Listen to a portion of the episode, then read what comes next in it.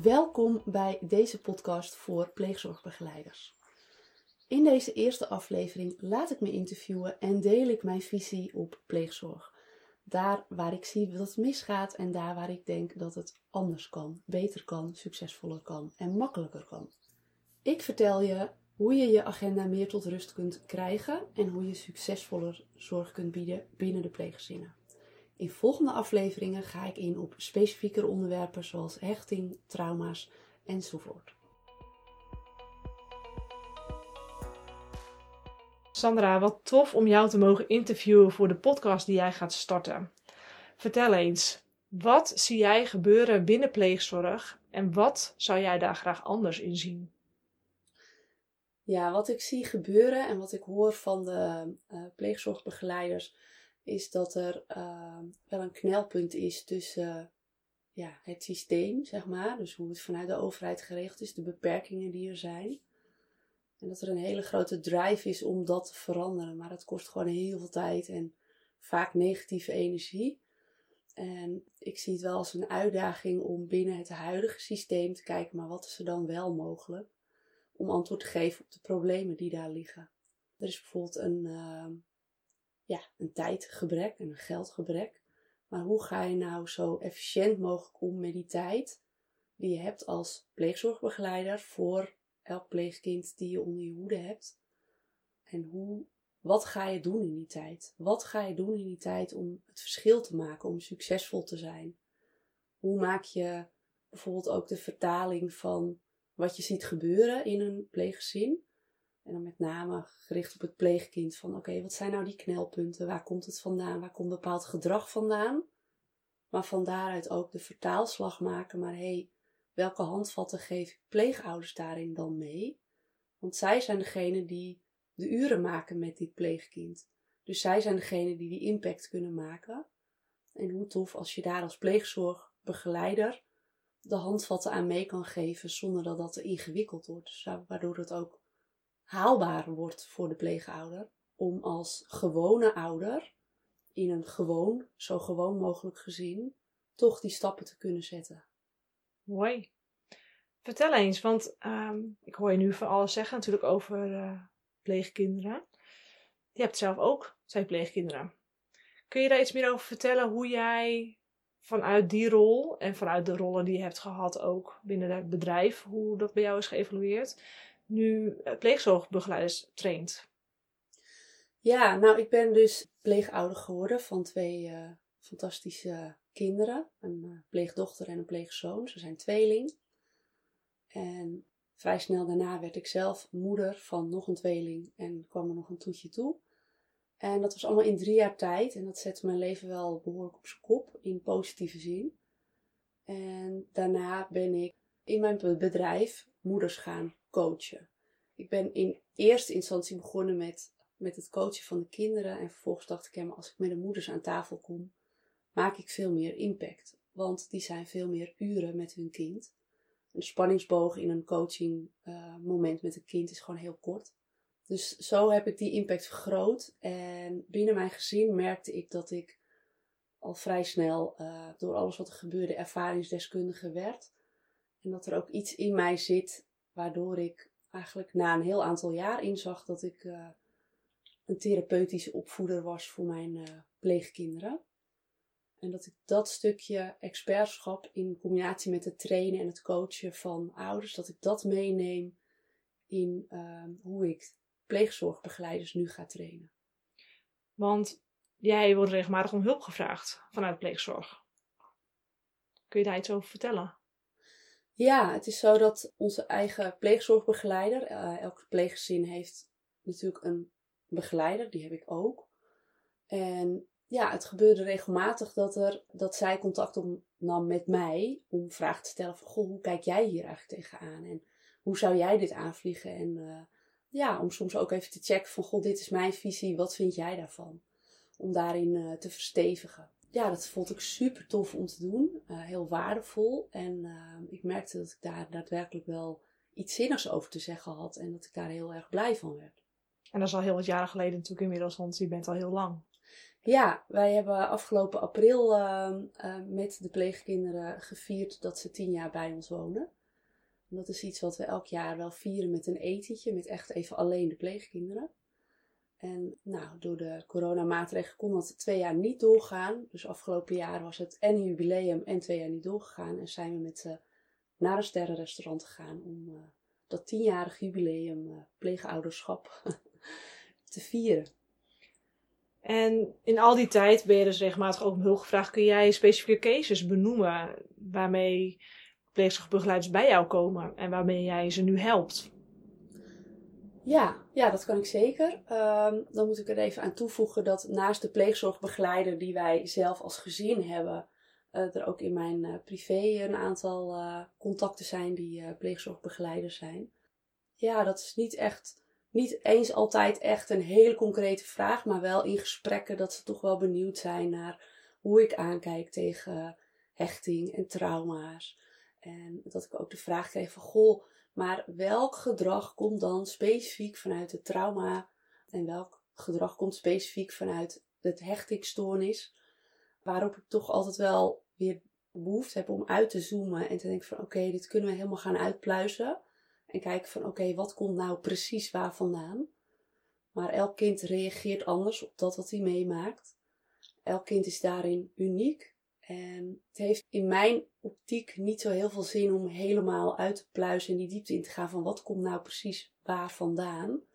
Omdat je van daaruit ook niet de vertaalslag kan maken naar de handvatten die je pleegouders mee kunt geven. Dus waar ik heel vaak en heel graag naar kijk, is naar de vier temperamenten leer. Waarin je kijkt van oké, welk gedrag laat een kind zien? En dan even loskoppelt van oké, maar waar komt dat dan vandaan? Door op die manier naar kinderen te kijken, krijg je heel makkelijke handvat van oké, maar wat heeft dit kind nou nodig vanuit zijn pleegouders? En natuurlijk is er wel eens expertise nodig en natuurlijk is er wel eens een therapeut nodig of de pleegzorgbegeleider zelf om iets dieper te gaan. Maar de grote stappen maak je eigenlijk al door het wel simpel te houden. Zodat pleegouders dat in het dagelijks leven, in het gezin kunnen toepassen. Daarin ook heel duidelijk weten van oké, hey, dit is van mij, uh, dit is van het kind, dit is hoe ik een kind kan benaderen. Zodat een kind zich gezien voelt, gehoord voelt. En daardoor het zelfvertrouwen ook gaat voelen. Dat een kind gaat voelen, hier mag ik zijn, hier mag ik helemaal mezelf zijn. Maar ook de simpele handvatten als hoe begrens ik dan bepaald gedrag? hoe kader ik dat in zodat dat niet uitvergroot en niet steeds een ding wordt, waardoor het ongezellig wordt of ruzie of een kind zich niet gezien voelt en niet begrepen voelt. Jij traint pleegzorgbegeleiders om dit beter te snappen, zodat zij dat ook weer beter en simpeler kunnen overdragen aan de ouders, zoals je net uh, benoemt. Ja, dit is inderdaad een onderdeel die ik daarin uh, benoem, waarin we ook de diepte gaan ingaan op dat stukje hechting en trauma gerelateerd gedrag. Maar vooral het uitzoomen op: oké, wat zien we nou gebeuren bij dit specifieke kind? En welke handvatten kun je pleegouders daarbij geven? En daarnaast gaan we dus ook kijken naar, kritisch kijken naar: oké, maar hoe begrens, weet je, zoals ik net zei, hoe begrenzen pleegouders hun kind? Maar hoe is de begrenzing rondom jou richting die pleegouders? Wat ik bijvoorbeeld ook vaak terughoor, is dat ze eigenlijk stiekem taken doen omdat pleegzorgbegeleiders het al zo zwaar hebben in bepaalde situaties. Maar help je ze daar daadwerkelijk mee? En help je jezelf daarmee om die impact te kunnen maken wat je eigenlijk zou willen maken? Dus heel erg die begrenzing van hoe ga ik om met mijn tijd? Als je in gesprek bent met, geweest met een pleeggezin, welke acties neem je dan zelf mee om uit te werken? En welke acties leg je heel duidelijk daar neer? En de verantwoordelijkheid leg je dan ook daar neer. Doe bijvoorbeeld de vraag van ik wil van jou de terugkoppeling horen dat. En natuurlijk is het aan jou om dat wel een beetje in de gaten te houden, maar welke verantwoordelijkheden leg ik waar neer? Maar ook andersom, een stukje begrenzing richting de pleegorganisatie zelf. Zo hoorde ik iemand vertellen die zei van ja, dan heb je al een volle agenda. En begin van de week kwam een leidinggevende met: uh, Oké, we hebben een nieuw uh, computersysteem. Wil jij deze week even X, Y, Z invullen in het systeem. Maar de agenda van diegene was eigenlijk al vol. Hoe ga je daarmee om? Hoe zorg je dat je je agenda bewaakt? Met respect voor je leidinggevende, maar ook respect voor wat je te doen hebt. en de missie die je te volbrengen hebt in die pleeggezinnen. Dus zo'n vraag van kun je even korte termijn uh, X, Y, Z in een nieuw systeem uh, even invoeren. Ja, hoe ga je daarmee om? Ga je dat in die week doen? Of ga je daar nee tegen zeggen? En hoe doe je dat dan wel? Dus een stukje tijdbewaking en een stukje wat doe ik in die tijd om die impact te maken in de pleeggezinnen. Dus eigenlijk datgene waarom je dit vak gekozen hebt, hoe vertaal je dat in tijd en kennis? En wat brengt het de pleegzorgbegeleider om hierop getraind te worden? Nou, het maakt dat je een stap maakt van een beetje de red race, waar we als maatschappij en in elk vakgebied waarschijnlijk wel zitten. De red race van uh, het afvinken van je to-do-lijstje, die helemaal geen vervulling geeft. Want dat to-do-lijstje dat uh, lijkt soms wel sneller te groeien dan dat het afneemt. Maar door je te richten en te focussen op datgene waarom je dit vak gekozen hebt. En te kijken hoe kan ik nou mijn tijd en mijn kennis zo effectief mogelijk inzetten. Zodat ik die vervulling wel voel. En zodat ik minder stress ervaar van dat to-do-lijstje. Omdat de focus niet ligt op dat to-do-lijstje. Mooi. En wat brengt dat dan de kinderen? Want dat is uiteindelijk waar het over gaat. Ja, dat is waar we het met z'n allen natuurlijk voor doen. Uh, waar ook ik het voor doe. Uh, wat het de kinderen brengt, is dat zij zich in, in het pleeggezin thuis voelen. Dat ze zich gezien en begrepen voelen. En dat ze weten waar ze terecht kunnen met hun verhaal. En dat het pleegouders bijvoorbeeld veel beter lukt om ze echt te horen. En dat het pleegzorgbegeleiders veel beter lukt om hierin de pleegouders te trainen, te coachen, te begeleiden. Om die impact op het leven van die pleegkinderen, om dat te maken. Om te zorgen dat zij stevig in hun schoenen staan en weten waar ze terecht kunnen. En die mooie mensen worden die de toekomst van ons land gaan bouwen. Hoe denk jij over de grote hoeveelheid uitval van pleegouders? En welke rol zie jij daarin voor jezelf? Nou, de rol die ik daarin zie is uh, dat door dat stukje vier temperamenten, door die kennis over te brengen, dat pleegouders zichzelf daarin ook herkennen. En dat je als pleegzorgbegeleider daarin uh, ook leert van oké, maar wat heeft dit type pleegouder bijvoorbeeld nodig? Want er zijn natuurlijk heel veel verschillende type kinderen, maar ook verschillende type pleegouders. Maar als pleegzorgbegeleider zelf kun je ook kijken naar die vier temperamenten en denken van hé, hey, leuk, wie ben ik dan? En uh, wat zegt dat over mij? En wat heb ik nog te leren? In hoe ik mijn kennis overbreng tot een heel ander type pleegouder. En op het moment dat je pleegouders ook beter ziet en hoort, en diegene de handvatten geeft, waardoor het voor die pleegouder simpeler wordt om hun pleegkind te begrijpen en daarin ook beter te kunnen begeleiden, maakt dat het voor iedereen veel beter te dragen is. Want ondanks alles is het natuurlijk niet simpel. Een pleegkind woont niet voor niks uh, niet bij zijn ouders. Dus dat is niet een makkie. Maar hoe kun je ervoor zorgen dat het voor iedereen te dragen is? En daarmee minder breakdowns te realiseren. Wat ik vaak zie is dat het in de puberteit vaak misgaat. Wat ik terughoor van pleegzorgbegeleiders die ik goed ken, is mijn visie op dat stukje pubergedrag in een pleeggezin. In veel pleeggezinnen weet ik dat het ervaren, wordt als wat ondankbaar dat uh, ik doe alles voor dit pleegkind en nu krijg ik dit gedrag ervoor terug. En hoe ik het zelf altijd ervaren heb en wat ik uitdraag is van wauw. Als je toch zo ver weet te schoppen dat een pleegkind dit gedrag durft te laten zien in jouw gezin. Wat heb je het dan goed gedaan? En als je vanuit die visie dat ook echt kan gaan voelen, ja, dan denk ik dat je dat, je dat stukje pleeg, of dat stukje pubergedrag, dat je dat kunt handelen, dat je dat kunt dragen. Dat je daar de waarde van in kunt zien. En tegelijkertijd vanuit die vier temperamenten dat gedrag kunt begrenzen. Want natuurlijk vraagt het ook om begrenzing van bepaald gedrag wat je niet wenselijk vindt in je gezin. En wat je ook je pleegkind mee wil geven van hey, hoe gaan we met elkaar om? Hier binnen het gezin, maar ook buiten het gezin. Dus als ik het even samenvat, dan train jij eh, pleegzorgbegeleiders om de ouders beter te kunnen coachen, trainen, zodat er daardoor ook minder uitval plaatsvindt en dat er meer begrip binnen de gezinnen komt voor hoe ga je om met dit kind.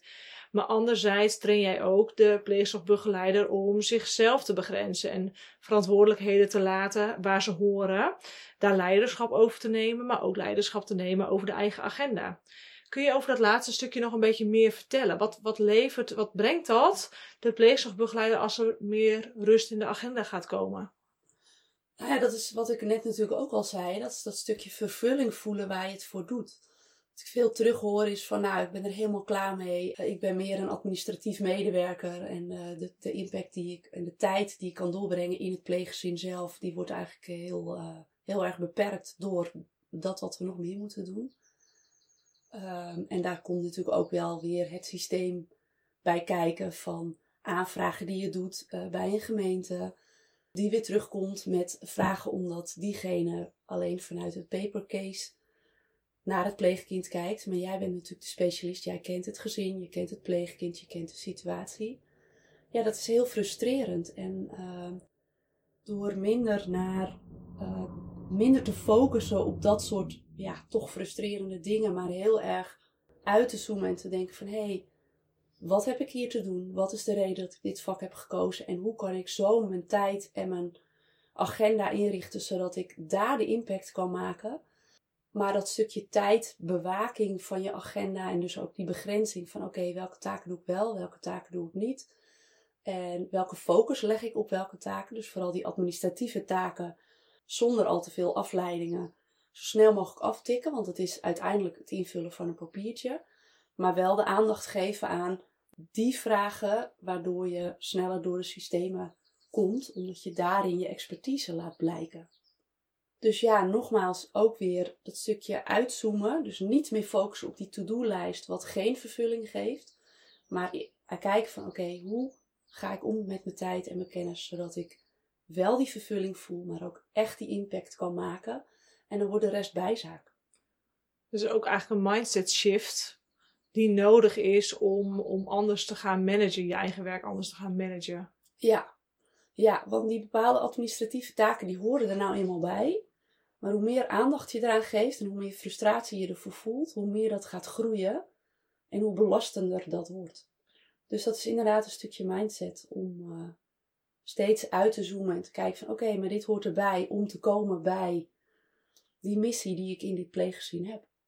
En als ik dan even uh, advocaat van de duivel ben, want ik kan me goed voorstellen dat er nu uh, begeleiders luisteren en die denken, ja, maar jeetje, uh, veel weerstand op, het kan niet anders, of ja, dan moet ik een training gaan doen, waar moet ik dan die tijd weer vandaan halen? En ze lopen over, heb ik het idee als ik jou zo hoor.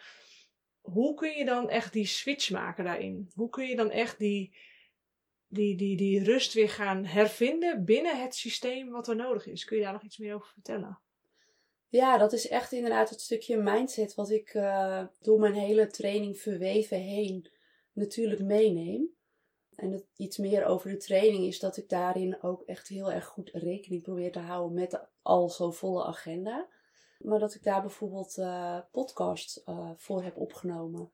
Zodat je op het moment dat je naar uh, gezin 1 of gezin 2 of tussen de gezinnen door even in de auto zit. Dat je daar 10 minuten, kwartiertje naar kan luisteren. Daar nog even over kan mijmeren. En kan denken van hé, hey, wat, uh, wat haal ik hieruit? En welke vertaalslag? Probeer ze altijd zo praktisch mogelijk. Van, dat je ook meteen de vertaalslag kan maken. Zodat je het ook meteen in de praktijk kan inzetten. En kan ervaren en voelen. En dat geeft dat het ook gaat groeien. Dat je denkt van oh wauw, dit is tof, hier wil ik meer van. Waardoor die mindset eigenlijk gewoon meegroeit in dat stukje tijdens de stappen die je daarin zet. Mooi. Nou, en ik kan me voorstellen dat uh, er nu uh, ook begeleiders luisteren die denken van, goh, interessant, uh, interessant vrouw ben je. Hè? Ik wil wel eens even met je in gesprek, want ik loop hier en hier tegenaan. Waar kunnen ze met jou contact opnemen? Ja, dat is handig om dat via mijn LinkedIn-pagina te doen, Sandra de Witvis. Daarin kun je en meer over mij vinden. Meer uh, inspiraties die ik deel, uh, kun je daarover lezen. En je kunt daar, daar natuurlijk een uh, berichtje sturen. En ik kom heel graag met je in gesprek. nou, ik kijk uit naar de berichtjes die jullie me gaan sturen. Mooi. En deze podcast natuurlijk. En deze podcast. Ja, heel, eh, laat me weten wat je hiervan vindt. Heel nieuwsgierig. Dankjewel voor het luisteren. En tot mijn volgende podcast.